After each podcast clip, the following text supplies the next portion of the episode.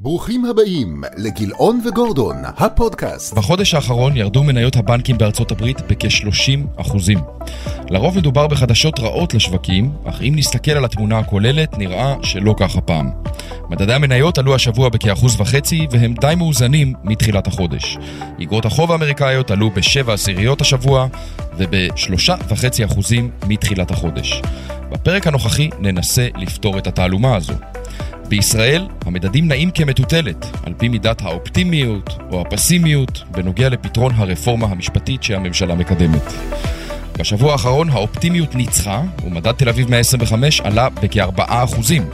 חשוב לציין שעיקר העליות היו בשעה האחרונה של המסחר ביום חמישי, בעקבות הפרסום על ההצהרה הצפויה של שר הביטחון, שהתרחשה לבסוף במוצאי שבת. אגרות החוב סיימו את השבוע ביציבות יחסית. דרור, עברנו שבוע חשוב, ואנחנו בפתחו של מה שנראה כשבוע הדרמטי ביותר אולי, עבור המשקיעים בישראל. דווקא בגלל כל האירועים האלה, אני רוצה שאנחנו נתחיל בסרטון קצר. קדימה.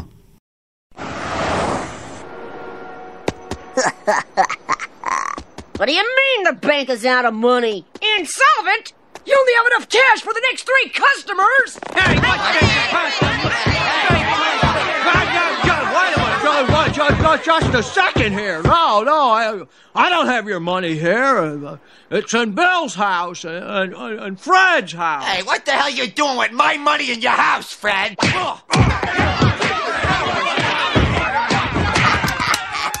אין כמו הסימפסונס, אה, כדי לצפות את העתיד גם בנושא הזה. לגמרי. הבורסה בישראל וכך גם שער הדולר קשורים קשר ישיר למתרחש בפוליטיקה ולהתקדמות החקיקה של הממשלה. קיבלנו לכך תזכורת בשעת המסחר האחרונה ביום חמישי. דרור, איפה אנחנו עומדים כבכל שבוע בדשבורד של רמת הסיכון לישראל? כן, אז הדשבורד בהחלט משקף את המאניה דיפרסיה שהשוק אה, חווה, ואת הנתון השולי שהוא יחסית אה, נתפס כאופטימי, וביום חמישי ראינו גם את הדולר. צונח די בעוצמה מול השקל ודי מהר. ראינו את מדדי המניות עולים בעוצמה, בעיקר אה, הכל בעצם, לכל הרוחב. ובהתאם, גם פרמיית הסיכון על מדינת ישראל ירדה, וכל זה, מה שנקרא, אשראי בערבון מוגבל, שה... המשקיעים נותנים לצורך העניין לממשלה, כי באמת אנחנו רואים פה כמה משוועים לפתרון שהוא חיובי ויחזיר את ה... נקרא לזה את השפיות למסחר בתל אביב, וכמה גם התיקונים יכולים להיות חדים. אז מה שקיבלנו עכשיו, וגם זה עוד כמה, רעש. וגם כמה השפעה יש למצב, אה, בניגוד אולי למה שחלק מהאנשים חושבים, כמה השפעה יש למצב הזה על השוק המקומי. כן, בוודאי, יש פה... זה, זה, זה, זה הסיפור. הדבר, הסיפור העיקרי, כן, לגמרי. אבל אני אגיד ש...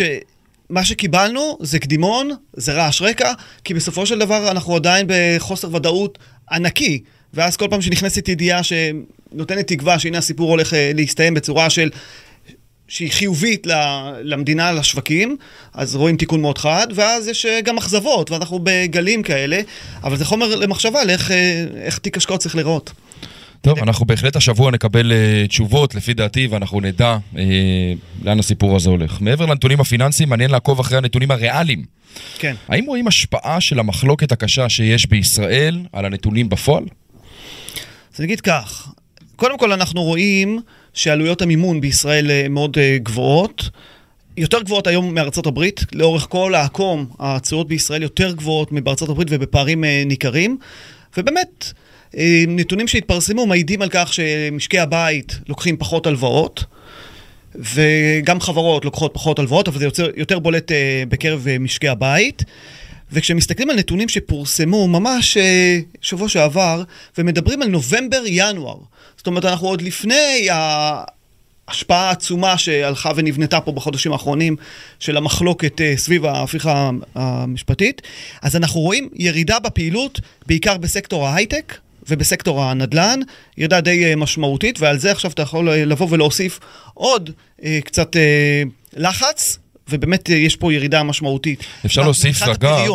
מבחינת הפריון. כן. אוקיי, עכשיו על זה, אתה רוצה להגיד משהו? אני רציתי רק להגיד שאתה מדבר אה, על נתונים שהיו בתחילת השנה, אין ספק שהנתונים עוד השתנו מאז תחילת השנה. זאת כן. אומרת, אנחנו לקראת סוף חודש מרץ, ואין ספק שהדברים לא נעשו טובים יותר. אז זהו, אז אני מדבר על נתונים של נובמבר, סוף בדיוק. שנה שעברה וינואר, זאת אומרת, יש פה שלושה חודשים אה, שבאמת יש פה על השלושה חודשים האלה ש...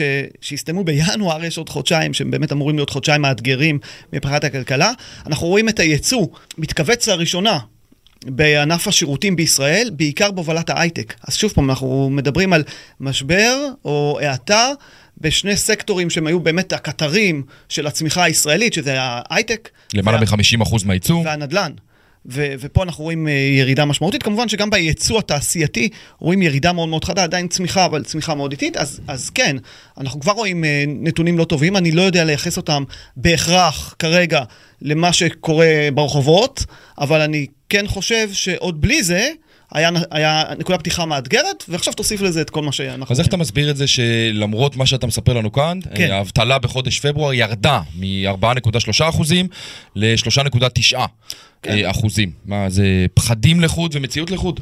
זו שאלה טובה, אני חושב שלפעמים נתוני האבטלה, יש בהם רעשי רקע, ו- ודגימה אחת אינה מייצגת את הלך הרוח, ו- ואנחנו רואים למשל, אם מסתכלים על שיעור המשרות הפנויות, שזה אינדיקט, אינדיקטור שבא לבוא ולהגיד, אם ככל שיש משרות פנויות יותר אה, רבות, זה אומר ששוק העבודה יותר חזק.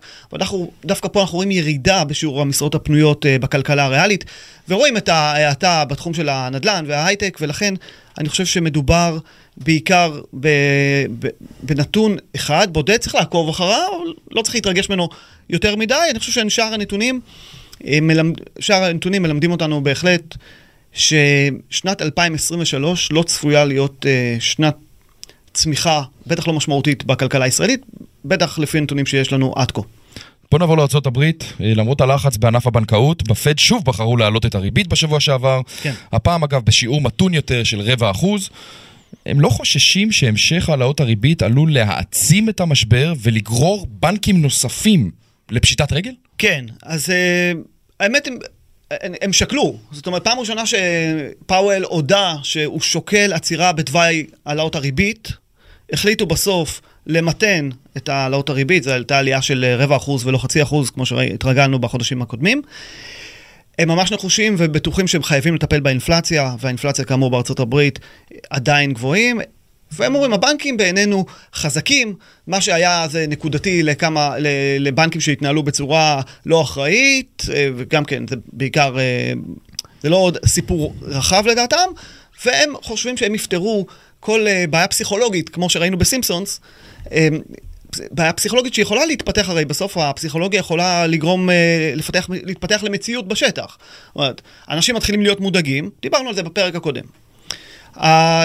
היום, או בוא נגיד ככה, עד לפני חודש, הבנקים בארצות הברית ממש ניצלו את עליית הריבית כדי שמי שמפקיד אצלם כסף יקבל מעט, והם יקבלו. הרבה מהבנק המרכזי, ברור. או ייתנו הלוואות בריבית הרבה יותר גבוהה, להגדיל את מרווחי האשראי.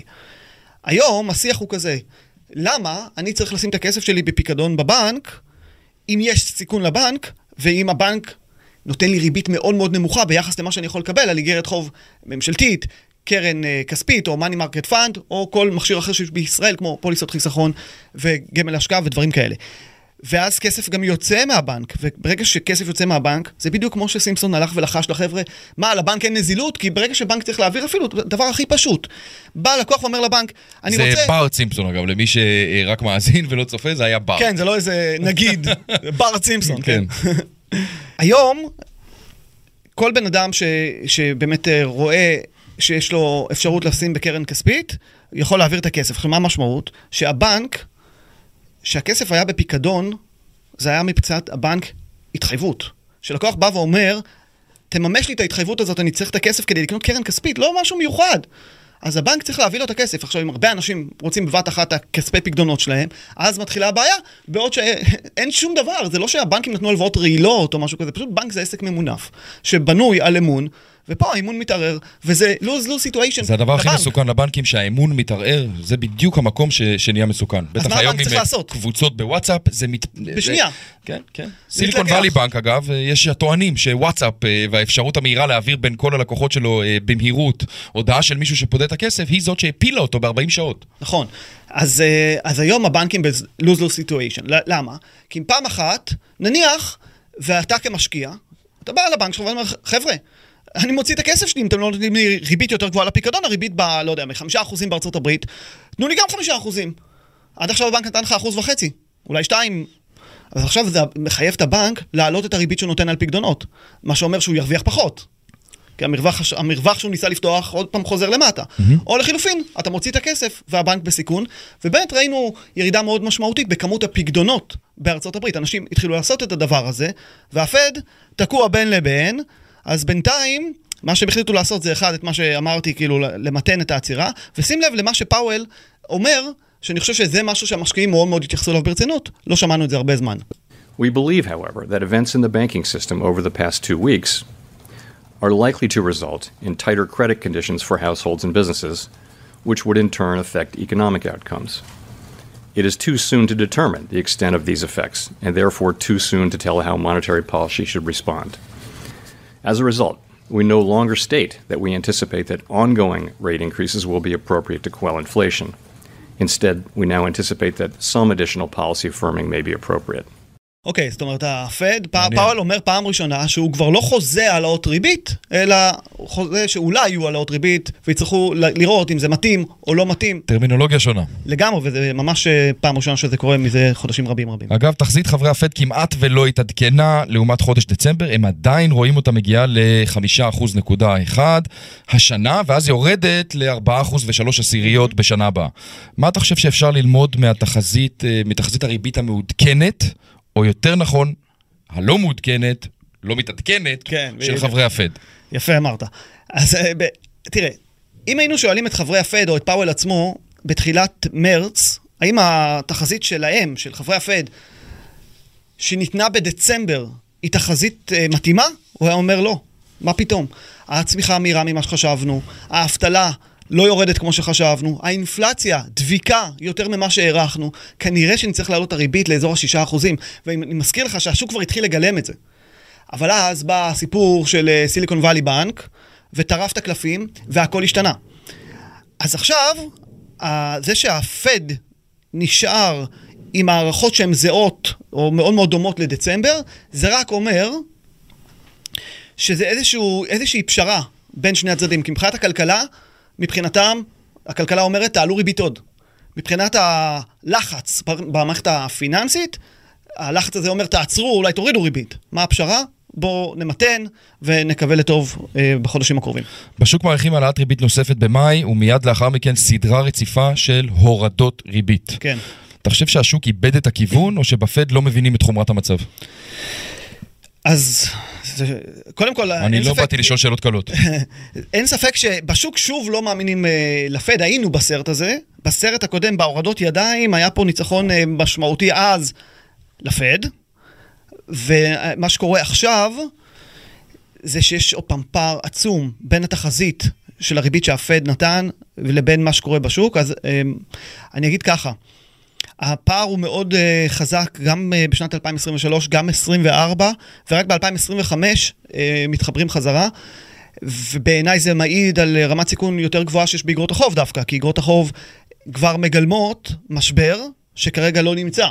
זאת אומרת שאם יהיה משבר, אז אין לך הרבה להרוויח, אבל אם לא יהיה משבר, והכלכלה תמשיך לצמוח, והשד הבנקאי יחזור לבקבוק, הלחץ של הבנקים, זה יירגע, כמו שהבנקים המרכזיים הצליחו הרבה פעמים בהיסטוריה, כן. להתגבר על משברים על ידי הזרמת מה שנקרא חלונות אשראי, מסדרונות אשראי אה, כמעט אינסופיים. אז אה, יכול להיות פה אה, נקודתית הפסדי הון, בעיקר בארצות הברית, באגרות החוב. ו- ובאמת אנחנו מסתכלים על ירידת התשואות המטורפת שהייתה בשלושה שבועות האחרונים, אז ירידת uh, תשואות באג"ח לשנתיים שכבר היה בחמישה אחוזים ועשירית, אז נכון לסוף שבוע התשואה שם היא רק אה, שלושה אחוזים שבעים ושמונה, זה ירידה. של 130 נקודות בסיס, אחוז נקודה שלוש. ובאגרות חוב לעשר שנים, ירידה של אה, אה, 70 נקודות בסיס, זה 0.7.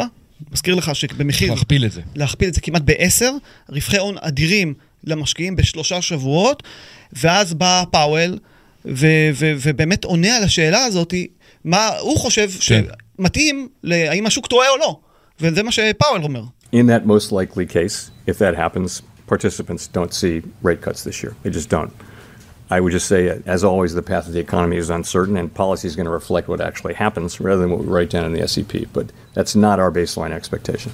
אז מה הפער בין הפד לבין אה, השוק? השוק רואה משבר מאוד גדול, השוק האג"חי, יש לומר, רואה משבר מאוד מאוד גדול, הפד לא רואה את המשבר הזה ואומר, ב- ב- תחת הנחות היסוד המרכזיות שלנו, אנחנו לא רואים ירידת ריבית בכלל השנה. שוק המניות, דרך אגב, נהנה משני העולמות בינתיים.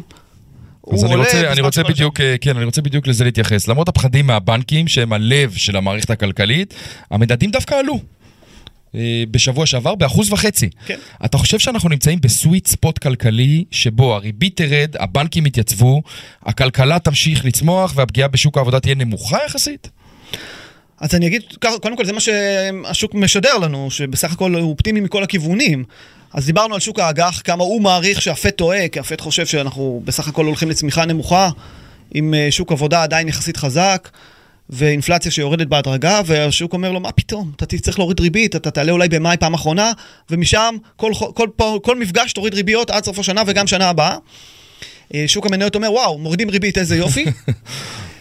ו- ו- ו- ופה אנחנו רואים באמת את הנתונים.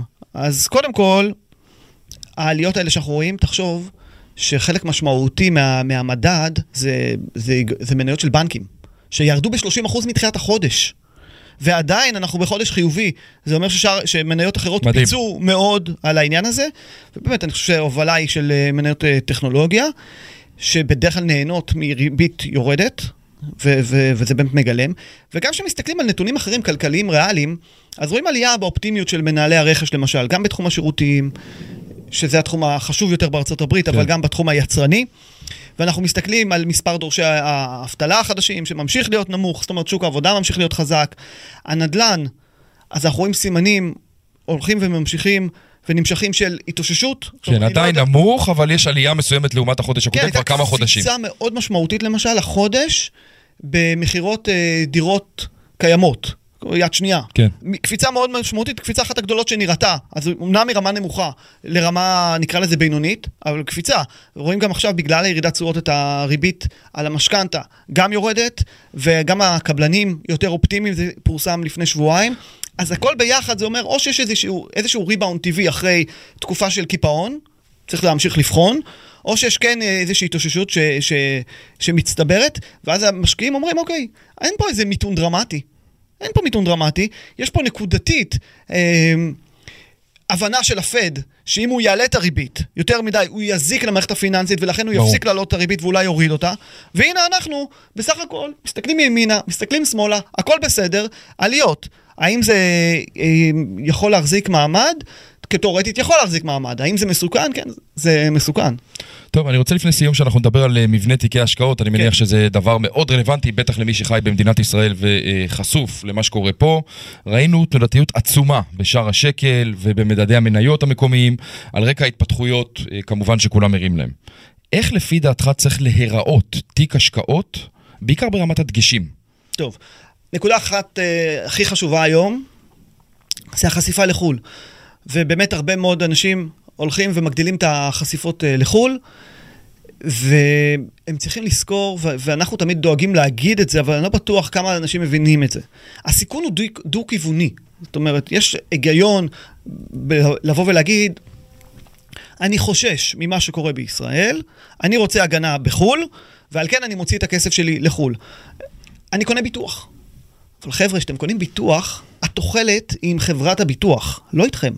זאת אומרת, כשאני קונה ביטוח על הרכב שלי, על, ה, על הבית שלי, רוב הסיכויים, ש, אני מקווה, שאני לא אצטרך להשתמש בביטוח. ואם אתה לוקח ומכפיל את זה בא- באוכלוסייה הגדולה, אז על פי רוב, חברות הביטוח מרוויחות. זה אומר שהביטוחים ברור. עולים כסף ולא מכניסים כסף.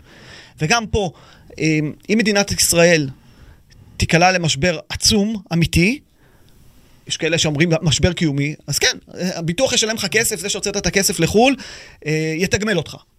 אבל אם לא, אתה תמצא את עצמך, כמו שראית קצת ביום חמישי, בבת אחת, ירידה מאוד מאוד חדה בערך הדולר, בערך היורו מול השקל. זאת אומרת, הוצאת את? הכסף לחו"ל ברור. והפסדת, וגם שוק המניות בישראל פשוט מתקן בצורה מאוד מאוד מהירה את כל הביצוע חסר. לא לוותר על חשיפה למדדים הישראלים? אז להבין שאתה משקיע בחו"ל, אתה צריך להשקיע אחוז מסוים מהכסף שלך. בטח אם אתה חי בישראל, צורך בשקלים ומוציא לגמרי, בשקלים. לגמרי.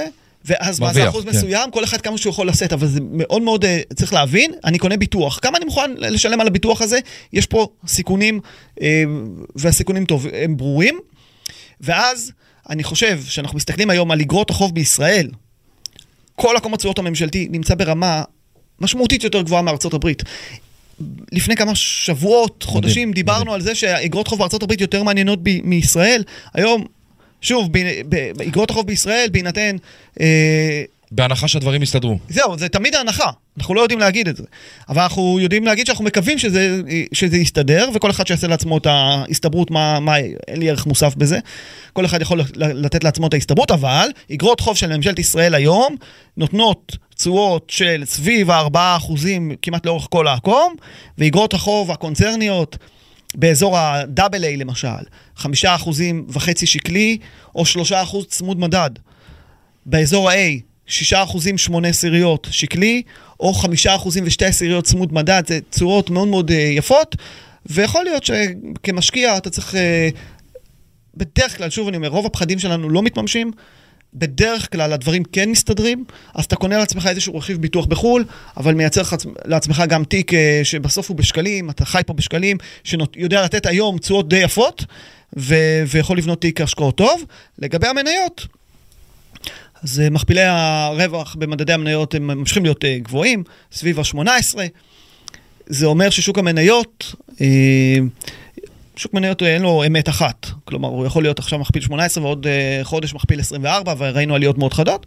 אבל שוק המניות הוא לא מציע איזושהי הזדמנות יוצאת דופן, אני חושב שההזדמנויות היום יותר באגרות החוב אה, בישראל, והשוק מניות כהשקעה ארוכת טווח, רגילה, לא צריך. לשנות אותה על פי מצבי רוח. דרור, המון תודה. אנחנו ניפגש כאן בשבוע הבא. אני מניח שיהיה פרק מאוד מעניין, שאנחנו אה, נקבל ודאות גדולה יותר לגבי כל מה שמתרחש, בטח בישראל. נאחל לצופים, למאזינים, אה, שבוע טוב, שאלות, פניות, כל דבר, דרך הרשתות החברתיות, באתר, נשמח לענות לכולם. אכן כן, תודה רבה. ביי ביי.